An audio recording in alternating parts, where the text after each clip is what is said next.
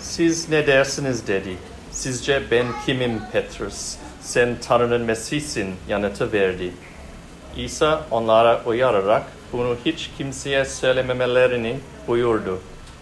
İnsan olunun çok acı çekmesi, ileri gelenler, baş kahinler ve din bilginlerince reddedilmesi, öldürülmesi ve üçüncü gün dirilmesi gerektiğini söyledi. Sonra hepsine ardımdan gelmek isteyen kendini inkar etsin, her gün çamhını yüklenip beni izlesin dedi. Canını kurtarmak isteyen onu yitirecek, canını benim uğruma yitiren ise onu kurtaracaktır. İnsan bütün dünyayı kazanıp da canını yitirirse, canından olursa bunun kendisine ne yararı olur? Ve ikinci okuması. Göğe alınacağı gün yaklaşınca İsa kralı adımlarla, adımlarla Kudüs'e doğru yola çıktı. Kendi önünden haberciler gönderdi. Bunlar kendisi için hazırlık yapmak üzere gidip Samerili, Sameriyelilere ait bir köye girdiler. Ama Sameriyelileri Samerililer İsa'ya kabul etmediler. Çünkü Kudüs'e doğru gidiyordu. Öğrencilerden Yakup'la Yohanna bunu görünce Rab bunlara yok etmek için bir buyrukla gökten ateş yağdırmamızı ister misin dediler. Ama İsa dönüp onlara azarladı. Sonra başka bir köye gittiler. Yolda gider, girerlerken bir adam İsa'ya nereye gidersen senin adından geleceğim dedi. İsa ona tilkilerin ini kuşların yuvası var ama insan oğlunun başını yaslayacak bir yeri yok dedi. Bir başkasına adımdan gel dedi. Adam ise izin ver önce gidip babamı gö, gö, e, gömeyim dedi. İsa ona şöyle dedi. Bırak ölüleri, kendi ölülerini kendileri gömsün. Sen gidip Tanrı'nın egemenliğini duyur. Bir başkası, Ya Rab dedi, senin adından geleceğim ama izin ver, önce evimdekilerle vedalaşayım. İsa ona, sabanı tutup da geriye bakan Tanrı'nın egemenliğine layık değildir dedi. Amin. Teşekkürler. Evet. E, Lukas serimize devam ediyoruz. E, birkaç ay evvel başlamıştık. Ve e, bugün bu bölümün e, son, e, bu serinin son bazındayız. E, sonra e, eski ayete doğru yöneleceğiz yine. Ve hatırlarsanız ilk 8 bölüm, Luka'nın ilk 8 bölümü İsa kim sorusuna e, odaklanıyor. Yani İsa kim sorusuna cevap bulmaya bakıyor. İsa kim? E, rüzgarın e, rüzgarı buyur veren e, ve denizi e, deniz bile onun sözünü dinleyen, e, günahları affetme iddiasında olan bu adam kim? Ve 9. bölüm geçen hafta da bahsetmiştik. Dönüm noktası. 9. bölüm aslında e, ikinci aşamaya geçiyor. İsa kimden daha ziyade İsa'nın ardından gelme konusunu, öğrencilik konusuna bakıyor. Ve e, bakarsak 20. ayette e, neden başlıyor? İsa onlara siz ne dersiniz? Ben kimim? diye soruyor. Yani bütün bu 8. bölüme kadar bunun üzerinde çalıştı. Acaba benim kim olduğumu anlayabilecekler mi? Ve sonra Petrus şu cevabı diyor. Sen Tanrı'nın Mesih'isin diyor. Yani bu dünyayı iyileştirecek, bu dünyayı bütünleştirecek, o e, cennet arzularımızı yerine getirecek ve her şeyi mükemmel yapacak Tanrı'nın Mesih'i sensin der dermez İsa hemen şak diye çarmıhtan konuşmaya başlıyor. Ve hemen ardından gelmek isteyen herkes şunu şunu şunu şunu yapması lazım veya şöyle bir e, yönteme sahip olması lazım diye konuyu değiştiriyor ve ardından gelmek aslında bu e, diyelim ki Luka 10 e, Luka 9'dan 18. bölüme kadar anahtar kelime olan şey devamlı tekrar edilecek bir kelime ardından gelmek isteyen herkes Ondan sonra birçok öğretisi var İsa'nın. Ve bugün öğrenci olmanın, e, İsa'nın ardından gelmenin ne demek olduğuna bakacağız. Ve üç şey görüyoruz. Birisi yeni bir öncelik belirlemek lazım. İkincisi yeni bir özdeşlik bulmak gerek. Ve üçüncüsü yeni bir merhamet içinde yaşamak gerek. Yeni bir öncelik, yeni bir özdeşlik, yeni bir merhamet. Birincisinden başlayayım ve metnin arkasından başlayıp öne doğru devam ediyoruz. Bugün biraz ters oldu. Ama 57. ayete bakarsanız yolda giderlerken bir adam İsa'ya nereye gidersen senin ardından geleceğim dedi. Yani burada üç tane adam var İsa'la karşılaşıyor. Ve üçü de istekli. Üçü de İsa'nın ardından gelmek istiyor. E, özellikle birisi çok ısrar ederek istekçi. Ben nereye gidersem gel ben senin ardından geleceğim. Hatta bu e, İbranice'de evlenme formülüydü. Yani e, bazı evlenme törenlerinden bile söyleniyor. Sen nereye gidersen ben de oraya gideceğim. Sana ne olursa olsun ben de. Nereden geliyor? E, Rut kitabından geliyor. E, Rut ve Naomi'nin e, kitabından geliyor ve e, burada kullanılmakta çok aşırı bir istek gösteriyor. Çok aşırı bir ısrar gösteriyor ve İsa sanki biraz kaba cevap veriyor bu adama. E, 58. ayette okuyorsunuz. E, tilkilerin e, ini, kuşların yuvası var ama insanoğlunun başını yaslayacak bir yeri yok diye cevap veriyor. E, yani e, neden acaba? Çünkü adam yanlış bir şey söylemedi ki. Yani ardından gelmek istiyorum demesi aslında güzel bir şey ama İsa şöyle diyor. İsa adamın kalbine bakıyor. Diyor ki kalbine baktığımda kalbinin yöntemi bir uyum, kalbin, kalbinin yönteminde bir uyumsuzluk var diyor. Ve şunun üzerine bir konuşayım diyor. Yani ben nasıl bir kurtarıcıyım, nasıl bir Mesih'im sen biliyor musun ki diyor. Ben saraylarda oturan altın e, tabaklardan, e, camlardan içen bir Mesih değilim diyor. Ben e, savaşa çıkıp zafer kazanan bir Mesih değilim diyor. Ben e, çağıma gerilip kaybederek zafer kazanan bir Mesih'im diyor. Ve yani diyelim ki yani öyle bir öyle anlamanız lazım ve 22. ayette aslında evvelden biraz zıplayacağım siz benimle e, beraber zıplayın davet ediyorum sizi. Aslında 22. ayette en temel şey şu diyor ki insanoğlunun çok acı çekmesi, ileri gelenler, baş ve din bilginlerinin reddedilmesi, öldürülmesi ve üçüncü gün dirilmesi gerektiğini söylüyor İsa. Yani orada nasıl bir Mesih, nasıl bir kurtarıcı, nasıl bir önder olduğunu çok ciddi bir şekilde gösteriyor. Adama diyor ki gel seninle biraz pratik yapalım. Sen ardından gelmek istiyorsun. Kendimizi o adamın ayakkabılarına koyalım. Bize de söyleyebilir aynı şeyi. Diyor ki seni görüyorum diyor. Senin güzel bir evin var diyor. seni görüyorum diyor. Güzel malın var, mülkün var diyor. Araban var diyor. Oh diyor ne güzel sana diyor. Benim bunların hiçbir şeysi yok diyor. Sen bunların hepsini benim için kaybetmeye razı mısın diyor. Ya bakın malı mülkü evi olmasının kötü bir şeysi yok. Yine biraz ince dikkat etmemiz lazım. Bunların hiçbirisini eleştirmiyor. Sadece diyor ki sen beni bunların hepsinden daha önemli almaya razı mısın? Daha öncelik tanımaya razı mısın? Ve hatta bunları benim sayemde ya yani benim yüzünden kaybetmeye razı mısın diyor. Ve e, adamın tam yüreğine vuruyor. Yani bana öncelik tanıman lazım diyor.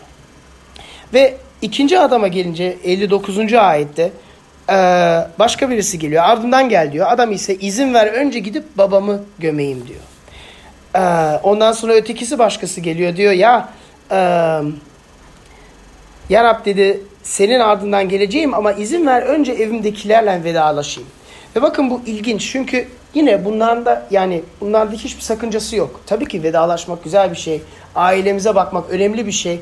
Ee, oradaki sorun o değil. Ama İsa yine bir şeyin farkında. Bir yüreğimizin yönteminin peşinde. Ve diyor ki tamam diyor ama e, sen bunları benden daha önemli alırsan bu iş yürümez diyor. E, ve, ve bakın ilginç şey ikisinde de tamam ama önce. Tamam İsa. Tamam İsa ama önce. Ama önce biraz eğleneyim ya. Önce biraz önce biraz şunu yapayım. Önce biraz bu dünyanın güzel meyvelerini tadayım. Önce şunu yapayım. Önce işte o öncesi yok. İsa'nın demek istediği bu öncesi yok. Yani bütün bunların hepsi iyi şeyler ama bunların önceliği ben olmam gerek diyor İsa. Bunlardan önce ben gelmem lazım diyor. Sen parayı, mülkü, malı, yaşamın yaşam standartlarını, aile sevgisini, herhangi bir şeyi, eğlenceyi benden daha önemli alırsan bu iş yürümez diyor. Ve e, ve hatta en sonunda çok ilginç bir imge kullanıyor son ayeti okuduğumuzda. Sabanı tutup da geriye bakan Tanrı'nın egemenliğine layık değildir diyor. Ya bu layık kelimesi burada biraz e, yanlış tercüme edilmiş gibi değil demeyeyim de daha güzel bir tercümesi aslında e, yararlı olmaz. Yani hepimiz layık değiliz onu biliyoruz. Sadece lütuf sayesinde e, Tanrı'nın egemenliğine katıldık ama e, yani yararlı olmaz. Nasıl? Bakın orada bir e, imge kullanılıyor. E, sabanı tutmak. Bakın bilmiyorum e, ben hiç çobanlık yapmadım ama kitapta okuduğum zaman e, o sabanı tutmak çok zor bir iş. Hayvan çekiyor çünkü sen de arkasından koşuyorsun. Ve yani tarlayı yapmak için böyle şerit şerit gidiyorsun. Şimdi çok son derece dikkat etmen lazım. Yani dikkatsizlik olmaz. İşte orada mesaj geldi, orada televizyondan bir şey izledim, orada dikkat etmemiz lazım. Ve sağımıza solumuza bakmamamız lazım. Ve İsa diyor ki bu dikkati bana vermen lazım diyor. Dikkat et, vermezsen diyor pek bir yararlı bir iş çıkmaz bu işten diyor. Yani onu e, kuvvetli bir imge şeklinde söylüyor diyor. Dikkat etmen lazım diyor. Öğrenci olmak için tamamen bana dikkat etmen lazım. Bana odaklanman lazım diyor. E, ve e, yoksa yararlı bir şey çıkmaz diyor. E, ve aslında en sert cevaba gidersek 60. ayete gidersek bilmiyorum e, biraz e, gizemli bir cevap.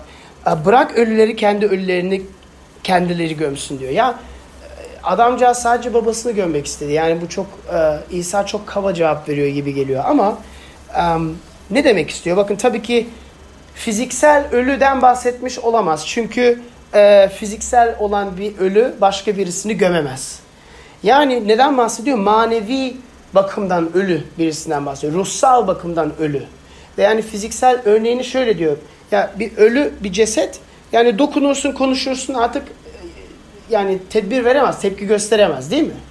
Ve diyor ki yani e, manevi bakımdan, yöntemden de ölü olan birisi bu şeylere kör.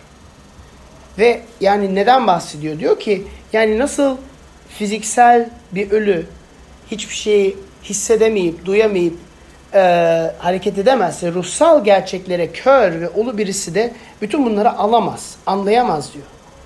Ölü gibi diyor ve aslında şunu demek istiyor. Sen hayatında başka bir herhangi bir şeye öncelik tanırsan, herhangi bir şeye öncelik tanırsan ölü gibisin diyor. Çünkü gerçeği anlamıyorsun diyor.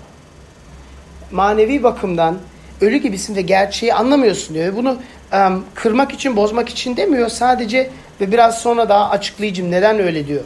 Ee, çok radikal bir şey gibi gözüküyor ama e, yani ruhsal bakımdan ölü gibi davranmaktan bahsediyor. Yani aileye öncelik tanıdığımızda veyahut geri bakmakta ya acaba tarlanın arkasında ne var?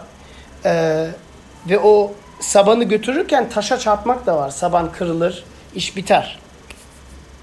Bunu nasıl e, yani ne demek istiyor sonuçta? Diyor ki ya yani ya öncelik tanıyacaksın diyor veya öğrencilik durumuna gir, giremezsin gibi bir şey diyor. Um, bakın şöyle şöyle diyelim bunu yapmayan yani diyelim ki siz İsa'yı beğendiniz, sevdiniz, öğretilerini ilginç buluyorsunuz. Ama bunları uygulamakta zorluk çekiyorsunuz. Bakın bu tembellik değil, düzensizlik değil, disiplinsiz olmak değil. Bu öğrenci kabının içine girmemek. Yani öğrenci olmamak. Ve şöyle diyeyim, Barış Manço'yu biliyorsunuz değil mi? Yani ondan bir tanışmak çok isterdim. Böyle bir gün e, keşke bir konserine gidip veya bir şey yapmak. Ama düşünün adam geldi sizin ev partinize. Siz bir konser veriyorsunuz. Zili çaktı. Diyorsunuz ki aa Barış Bey ne güzel hoş geldiniz filan. Diyorsun ha Barış Manço. Barış girebilirsin ama Manço dışarıda kal diyorsun. yani Barış içeri girsin ama Manço dışarıda kalsın diyorsun. Yani e, peki bu nasıl olacak? Ama İsa'ya da bu davranışı gösteriyoruz. Ben bu bir açıklama açıklamayı deniyorum. Yani ha İsa senin öğretişini beğeniyorum. iyi bir hocasın falan. Sen gel ama bak Mesih yok. Dışarıda kal. Yani günahlarım için ölebilirsin ama sana itaat etmek istemiyorum. Yani senin sözünü dinlemek istemiyorum. Yani şunu alıyorum ama şunu vermiyorum. Olmaz ki. Yani ya hepsini alacaksınız ya hepsini bırakacaksınız. Veya başka bir örnek vereyim. Ee, biliyorsunuz ben fizikçiyim. Bazı örneklerden hoşlanırım. Güneş ve dünyanın arasındaki e, uzaklığı bilen var mı? Cihan olsaydı. Güneş ve dünyanın arasındaki uzaklık yok. Efendim? Sen bilirsin aslında. Ee, 152 milyon kilometre var. 150 Şimdi diyelim ki 152 milyon kilometre bu kağıdın kalınlığını diyelim tamam Yani sadece anlamak için. Bu kağıdın kalınlığı. Bak bizim galaksimiz dünya ve e, dünya ve güneşin arasındaki fark bizim galaksimizin e, çapasını ölçmek istersek e, bu kağıtlardan ne kadar biliyor musunuz? Bu kağıtları bir kule yaparsak e, ne kadar mesafe eder biliyor musunuz? 500 kilometrelik bir kağıt kulesi eder. Bu, mes bu mesafe güneş ve dünya tamam Bu incecik dedik. 152 milyon kilometre. Bizim galaksinin çapısını ölçmek istersek 900 kilometre yüksek bir kule oluşur. Ve bizim galaksimiz, bakın galaksimizin evrimin bir parçası olduğunu biliyoruz. Bugünkü teknolojiyle evrimin ne kadar büyük olduğunu tam ölçemiyoruz ama ölçediğimiz kadarıyla bir toz kırıntısı kadar bu ya bu 900 kilometrenin bir toz kırıntısı kadar. Şimdi İsa gerçekten bak ilk 8 bölüm boyunca baktık İsa kim? İsa gerçekten bu tanrıysa, bu Rabsa, bu her şeyi yaratan varlıksa öyle bir davranış mantıklı mı sizce? Böyle bir ya tamam tamam seni beğendim gel benim özel asistanım ol. Bana biraz koçluk yap. bazı şeylerini beğeniyorum bazı şeylerini reddedeceğim ama bazı şeylerini beğeniyorum. Ya tamamen olumsuz bir davranış. Mantıksız bir davranış. Yani İsa'nın söylemek istediği bu bana öncelik tanıman lazım diyor. Yani öncelik tanımazsan manevi bakımdan ölü gibisin. Yani bu tembellikle ilgisi yok, düzensizlikle ilgisi yok, disiplinsizlikle ilgisi yok. Çok ciddi bir şey söylüyor. Peki öğrenci olmak İsa'nın ardından gelmek için e, ona öncelik yeni bir öncelik belirlemek lazım. Ama daha derine gidiyor. Sadece yeni bir e, öncelik değil, ikinci olarak yeni bir özdeşlik bulmak lazım. Yeni bir şahsiyet, yeni bir kimlik bulmak lazım. Ve 23. ve 25. ayete baktığımızda e, Petrus'a tepki verdi. Diyor ki ardımdan gelmek isteyen kendini inkar etsin. Her gün çarmıhını yüklenip beni izlesin. Canını kurtarmak isteyen onu yitirecek, canını benim uğruma yitiren ise onu kurtaracaktır. İnsan bütün dünyayı kazanıp da canını yitirirse, canından olursa bunun kendisine ne yararı olur? Um, bakın bunun ilk cümlesini, ilk ayetini okuduğumuzda aslında diyebilirsiniz ki ya yine bu öncelik değil mi? Yani bana öncelik tanımak, ardından gelmek, isteyen kendisini kendisini inkar etsin. Ama devam ettiğimizde şöyle bir şey var. Um, e, Semitik edebiyatta yani İbranice biliyorsunuz Semitik edebiyatın içine giriyor. O dilin yapısı biraz değişik böyle bir şeyi anlattığı zaman iki üç cümle arka arkaya geldiğinde ikinci ve üçüncü cümle aynı şeyi yeniden değişik ifade ediyor. Ama hep aynı şeyden bahsediyor. Yani biz bazen bunu anlamıyoruz çünkü batı düşüncesi çok değişik. Batı düşüncesi birinci, ikinci, üçüncü, dördüncü ama tekrarlamak yok. Çünkü zamanımız yok ki. O kültürde bu işler biraz değişik. Paralelizm diyoruz buna. Devamlı yeniden aynı şeyi vurguluyorlar. Ve ikinci, üçüncü cümleye baktığımızda yani 24. ayda bakıp 23.sünün nasıl değişik ifade ettiğine baktığımızda diyor ki canını kurtarmak isteyen onu yitirecek, canını benim uğruma yitiren ise onu kurtaracaktır diyor. Ve bunu ardından gelmek isteyen kendisini inkar etsin, her gün çağrını yüklenip beni izlesinin açıklaması olarak, ifadesi olarak bakabiliriz. Ve bakın can burada hayat değil, yani yaşam değil. Yaşam için Grekçe'de bios kelimesi var. Ona birçok zaman baktık. Bios'tan biyoloji kelimesini alıyoruz yaşam, hayat ama buradaki kelime başka kelime. Psike kelimesi. Psikolojimizi alıyoruz burada. Yani İsa burada daha fazla böyle canını kaybedecekten bahsetmiyor. Kafayı yiyeceğiz diyor.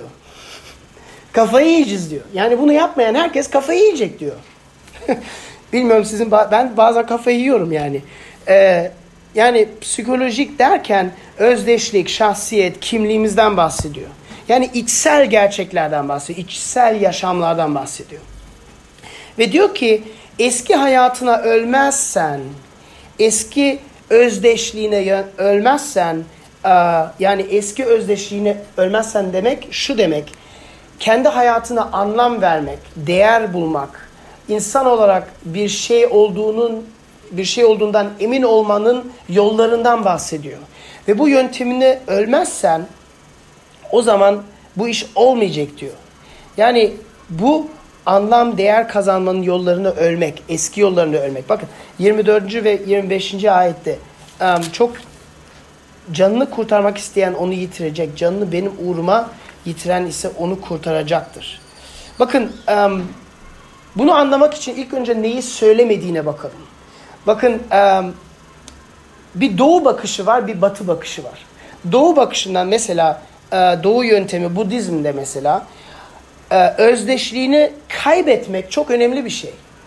Yani nirvana'ya ulaşmak, gerçeği anlayabilmek için son derece önemli bir şey. Yani bu da ne yapıyor? Diyor ki otur yerine meditasyon yap diyor.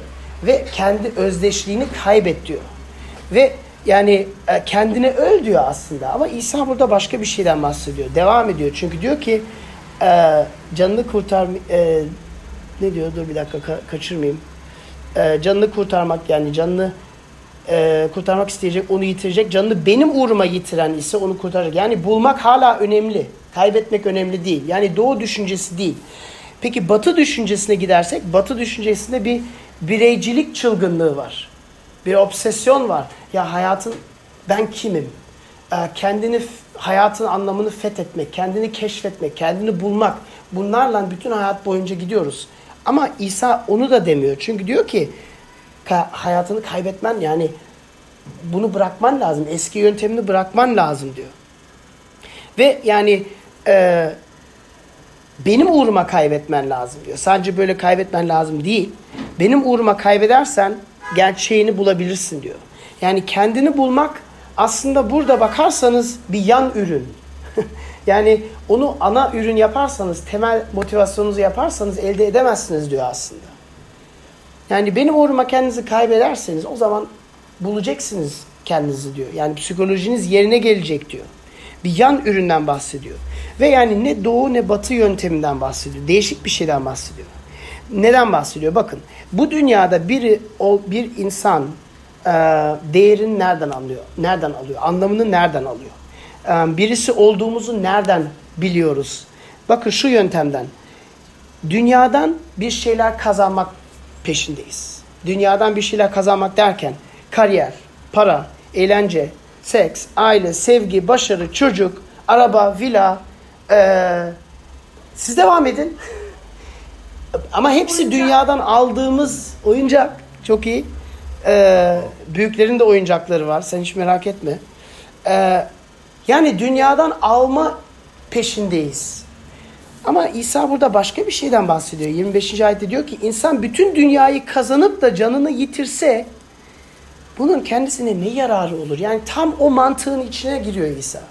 Dünyadan bir şeyler alma çabasının içine giriyor. Diyor ki dünyadaki her şeyi kazansan, sonunda canını feda etsen, psikoloji kafayı yesen diyor. Ne yararı var diyor.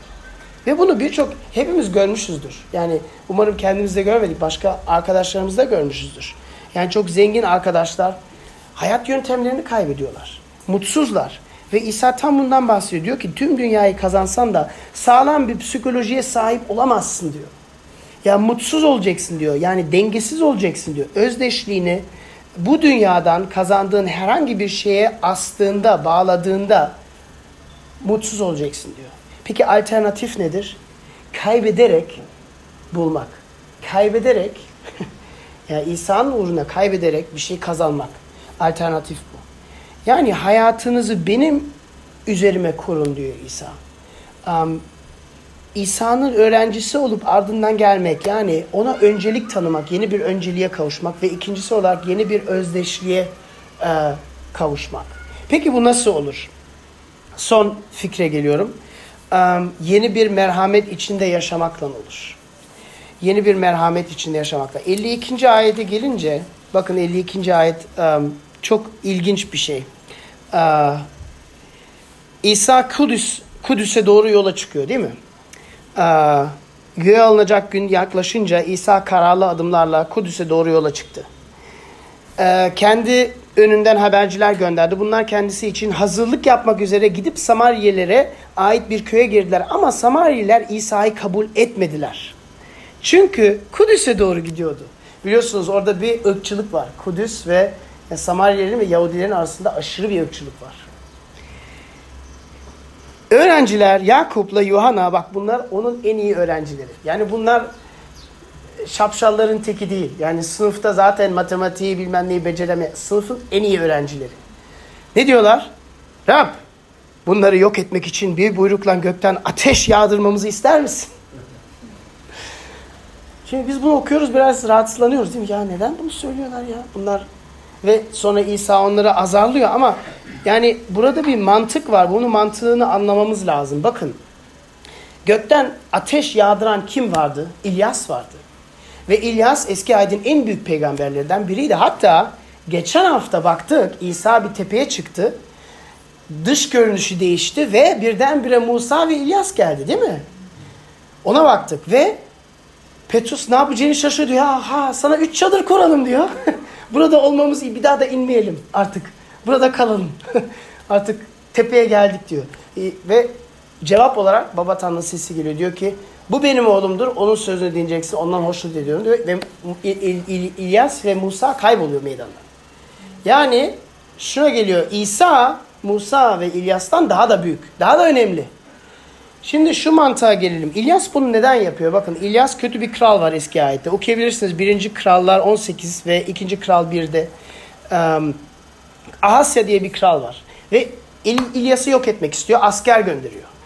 Asker gidiyor. Tanrı'nın adamı gel aşağı. İlyas da diyor ki ben Tanrı'nın adamıysa gökten ateş yok, yağsın seni yok etsin diyor. Bütün ordu yok oluyor. Asya ikinci orduyu gönderiyor. Yine aynı şey. Üçüncü orduyu gönderiyor. Asker bu sefer duymuş diyor ki ya lütfen saygılı peygamber lütfen benimle gelir misin yalvarıyorum. Bu sefer geliyor. Ya Hollywood aslında Hollywood şeysi yani böyle bir tam kafamıza göre bir şey var ama ya İsa İlyas'tan daha büyükse onu reddetmek daha büyük saygısızlıktır. Ve İlyas ateş yağdırdıysa bak öğrencilerin mantığını anlatıyorum size. Bir şey öğrendiler. Dediler Aa, bu Musa'dan da daha önemli birisi. Şimdi o ateş yağdırdıysa o zaman İsa daha da fazlasını yapması lazım. Yani bunlar tamamen e, şapşal değil. Bir şeyler düşünüyorlar. Peki neden yapmıyor? Neden ateş dönmüyor? İsa'nın yöntemi neden değişik? Çünkü İlyas'tan büyük ama İlyas gibi değil. İlyas'tan büyük ama İlyas gibi değil. Musa'dan büyük ama Musa gibi değil. Değişik bir yöntemi var. Peki nasıl? Bakın İsa'ya da askerler geliyor. İsa'ya da askerler gönderiliyor. Nerede biliyor musunuz? Hatırlıyor musunuz? Getsemane'de. Dua ederken, çarmıha gerilmeden bir gün önce ne yapıyor İsa? Ateş mi yağdırtıyor? Petrus alıyor kılıcını, askerin birisinin kulağını kesiyor. İsa ne yapıyor? Adamın kulağını iyileştiriyor. Bir gün sonra İsa'nın ellerinden, ayaklarından çiviler çakıyorlar. Kemikleri de tahtanın içine giriyor. Ne yapıyor İsa? Göklerden ateş mi yağdı? Hatta alay ediyorlar. Ya sen Tanrı'nın peygamberiysen hadi göster bakalım. İn şuradan göster kendini. Gücünü göstersene. Ne yapıyor İsa? Baba Tanrım lütfen affet onları bağışla. Ne yaptıklarını bilmiyorlar diyor. Bak İsa'nın yöntemi çok değişik. İlyas gibi ama İlyas'tan çok değişik ve ilginç bir şey. Bakın neden ateş inmiyor? Hiç düşündünüz mü? Neden Samarilere ateş inmiyor? Cevap 3 bölüm sonra Luka 12 49. ayette İsa çok ilginç bir şey söylüyor. Diyor ki ben dünyaya ateş yağdırmaya geldim diyor. Ah. Ah. Şaştınız mı? Şaştın mı? Ben dünyaya ateş yağdırmaya geldim. Keşke bu ateş daha şimdiden alevlenmiş olsaydı diyor. E öğrencilerin söylediğini demiyor mu şimdi? Kafayı yedik yine. Ama bakın Semitik değil. Semitik bir kültür. İkinci ayete bakalım ilkini anlatır bize. 50. ayette ne diyor? Katlanmam gereken bir vaftiz var. Bu vaftiz gerçekleşinceye dek nasıl da sıkıntı çekiyorum diyor katlanmam gereken bir vaftiz var. Bakın su vaftizinden bahsedemez çünkü vaftiz oldu. Bu ateş vaftizinden bahsediyor. Ve ateş kutsal kitapta her zaman Tanrı'nın yargını gösteriyor, imgeliş, simgetiyor. Yani onu gösteriyor bize. Ben ateşe ben dünyaya ateş yağdırmaya geldim diyor. Bakın ne demek istiyor? Neden ateş indirmiyor? Neden ne askerleri öldürüyor, ne Samaryalıları öldürüyor, ne çarmıha gerilen insanları öldürüyor, ne Yahudileri öldürüyor. Neden yapmıyor? Çünkü bu yargıyı kendine üstleniyor. Ateş geliyor ama İsa'nın üzerine geliyor. İsa'nın üzerine geliyor. Samaryalılara, askerlere, çarmıhta, çarmıha gerilen, geriltenleri yaşatıyor. Çünkü İsa'nın üzerine Tanrı'nın gazabı, Tanrı'nın ateşi kendisinin üzerine geliyor. Yani onların ve bizim hak ettiğimiz Tanrı'nın yargısı, ateş vaftizini o karşılıyor. Kendisi karşılıyor. Şimdi 22. ayette okuduğumuzu belki daha iyi anlarsınız. Diyor ki ya insanoğlunun çok acı çekmesi, ileri gelenler, baş kainler ve din bilginlerinin reddedilmesi, öldürülmesi ve üçüncü gün dirilmesi gerektiğini anlatıyor. Bak böyle bir Mesih bu. İlyas'tan değişik. İsa'yı reddetmek en kötü şey. Evet en, en kötü şey. Ama insanoğlunun kendisi Tanrı'nın gazabını üstleniyor. Tanrı olarak gazabını üstleniyor. Ve onun için özdeşlik ve öncelik ona vermemiz lazım. Ve bu değişimin temeli budur. Yani bunu özdeşliğimizi, yeni bir özdeşliğimize kavuşmak için, yeni bir önceliğe varmak için bunu anlamamız lazım. Bakın bunu ahla, yani entelektüel anlamaktan bahsetmiyorum. Bunu görüp hayran kalmak lazım.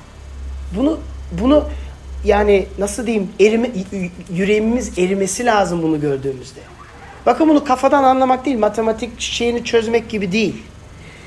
İstekle olacak bir şey de değil. Yani özdeşliğimi ben değiştireceğim artık. Önceliğimi değiştireceğim artık. Şunu yapacağım. Yok öyle olmuyor. Tanrı'nın sevgisini tadıp kalbimizin erimesini elde etmemiz lazım herhangi bir şekilde. Bakın kariyerin, evin, paran, araban, malın, mülkün senin yerine ölemez. Senin günahını da üstlenemez. Değerli annemiz, babamız her zaman yanımızda değil. Ama İsa diyor ki yanından ayrılmayacağım diyor. Seni terk etmeyeceğim diyor. Ve sen beni kırarsan, beni üzüp mahcup edersen seni affedeceğim diyor. Ya böyle bir tanrı nerede var? Peki bunu pratiğe almak üç yolu. Birçok şey duyduk. Ama bunu nasıl hayatımızda uygulayabiliriz? Bakın birincisi öğrencilik bir opsiyon değil. İnsanın ardından gelmek bir opsiyon değil. Yine aynı şeye geliyorum. Yani doğru inanmaktan bahsetmiyoruz burada. Bir yerde İsa diyor ki şeytan da doğru inanıyor diyor. Şeytan benim kim olduğumu biliyor diyor. Eh ne olmuş? Yöntemini değiştirmiyor ama. Bu yöntemimizi değiştirmemiz lazım. İsa'nın ardından gelmemiz lazım. Bakın 23. E, ayete bakınca diyor ki ardından gelmek isteyen herkes kendini inkar etsin diyor. Çarmıhını yüklenip beni izlesin diyor. Yani buna baktığımızda senin hayatından bu ne demek tam olarak? Sen nelere ölmen lazım? Hangi öncelik verdiğin şeyleri biraz arkaya alman lazım? Neleri değiştirmen lazım hayatında? Bunu bunu pratik bir şekilde kendimize uyguladığımızda. Öğrencilik bir opsiyon değildir. İkinci pratik uygulama öğrencilik bir seyahat. Yani bunun bir giriş noktası var, bir karar noktası var, bir öncelik noktası, bir özdeşlik değişme noktası var. Ama bu yaşam boyunca bir seyahat. Aslında Luka'nın ne kadar olağanüstü bir yazar olduğunu burada görüyoruz. Bakın 52. ayette diyor ki Bunlar bundan sonra e, göğü alınacağı gün yaklaşınca İsa kararlı adımlarla Kudüs'e doğru yola çıktı. Öğrenciliğin yola çıkışı bu. Çünkü 18. bölüme kadar öğrencilikten bahsediyor. Ardından gelmekten bahsediyor. Bu yolculuk hayat boyu sürecek bir yolculuk. Bizi böyle şak diye değiştirmiyor Rab. Bazı insanlar var, benim eşim de öyle. Diyor ya keşke şuna bir hap olsa da yutsam değişsem. Keşke bir hap olsa. Öyle olmuyor işte. Uzun vadeli adım adım ilerleyeceğimiz bir yolculuk, bir seyahat. Ve e, tabii ki Tanrı'yı kendimizin efendisi olarak kabul ediyoruz. Ve itaat etmeyi tecrübe ediyoruz ama bununla hayat boyunca didişeceğimiz bir şey. Hayat boyunca, kendi günahımızdan hayat boyunca kafa kafaya geleceğimiz bir şey. Ve ne kadar yürürsek kendi günahımızı daha net bir şekilde görüyoruz. Bakın Paulus, ya en büyük imanlı herhalde Paulus'tu. Üç değişik mektupta kendi üzerine bir şey yazıyor. Ve onun kronolojisini yapabiliyoruz. Çünkü mektuplarını ne zaman, nerede yazdığını da biliyoruz. Devamlı kendisini daha küçük görmeye başladı. Yani en önemli diyor ki ya elçilerin 12 tane elçi ben de en önemlisi, en az önemlisiyim. Ama kendisini elçi olarak görüyor. Sonra diyor ki ya ben elçi olmaya bile layık değilim diyor. Sonra ben keşke ya doğmaya, yaşamaya bile layık değilim. Yani ne kadar yetkinleştiğince kendini daha alçak gönül, daha küçük görmeye başlıyor. Bu bir yaşam boyu süren bir seyahat, bir yolculuk. Ve son olarak um, müjdede büyümenin, yetkinleşmenin işareti hayatımızda bir nezaket gerçeğini görmek. Nezaket gerçeğini görmek. Nasıl? Bakın 54. ayette ne diyor öğrenciler? Bunlara gökten ateş indirelim mi, şunları yok edelim mi diyor. Bakın dinin yöntemi her zaman serttir. Din sert, dışlayıcı, insanı üzücü bir şeydir. Her zaman böyle. İstediğiniz yere bakın. Ama müjde sevgi dolu, yumuşak bir şey, değişik bir şey. İsa onları azarlıyor. Siz hala anlamadınız mı ben kimim diyor. Hala anlamadınız mı? Ateşten bahsediyorsunuz diyor. Ya bu artık artık değişti bu işler diyor. Hayatımızda ne demek bu? Bakın. Biz hem kilisede hem dışarıda ama kilisede daha acı. Birçok günahla karşı karşıya geleceğiz. Bu kilisenin doğal bir şeysi. Maalesef hiçbirimiz mükemmel değiliz. Ama bunu gördüğümüzde bunu nezaketten karşı karşıya. Neden? Çünkü İsa da bize nezaket gösteriyor. Bakın günahı es geçmekten bahsetmiyorum. Günah varsa ona karşı ilerlememiz lazım, ciddiye almamız lazım. Ama birbirimizi yemeyelim, birbirimizi sevelim. İlişkiyi kuralım, birbirimizi yüceltelim, birbirimize destek olalım, teşvik edelim. Çünkü bu yolculukta yalnız değiliz. Bir tane, bir tane Budizm'den ayrılışı da e, bizim dinimizde beraber bir toplumsal bir yapısı var. Kilisesiz bu iş yapılmıyor. Birbirimize destek vermemiz lazım. Bakın yeni ayette 70 küsür birbirinize şeyleri var. Birbirinizi sevin, birbirinizi affedin, birbirinizi taşıyın, birbirinize ekmek alın, birbirinizi şu, birbirinizi hepsine bir bakın. Bakın. Çünkü yüreğimiz erimesi lazım. Çünkü bizde de bu tehlike var. Biz de bu din yapısına düşebiliyoruz. Tamam. Bugün yeterince kadar konuştum. Um, İsa'nın insanları çağırmasına baktık. Nasıl oluyor? Yeni bir öncelik belirtmekle, yeni bir özdeşlik bulmakla ve yeni bir merhamet içinde yaşamakla oluyor. Dua edeyim.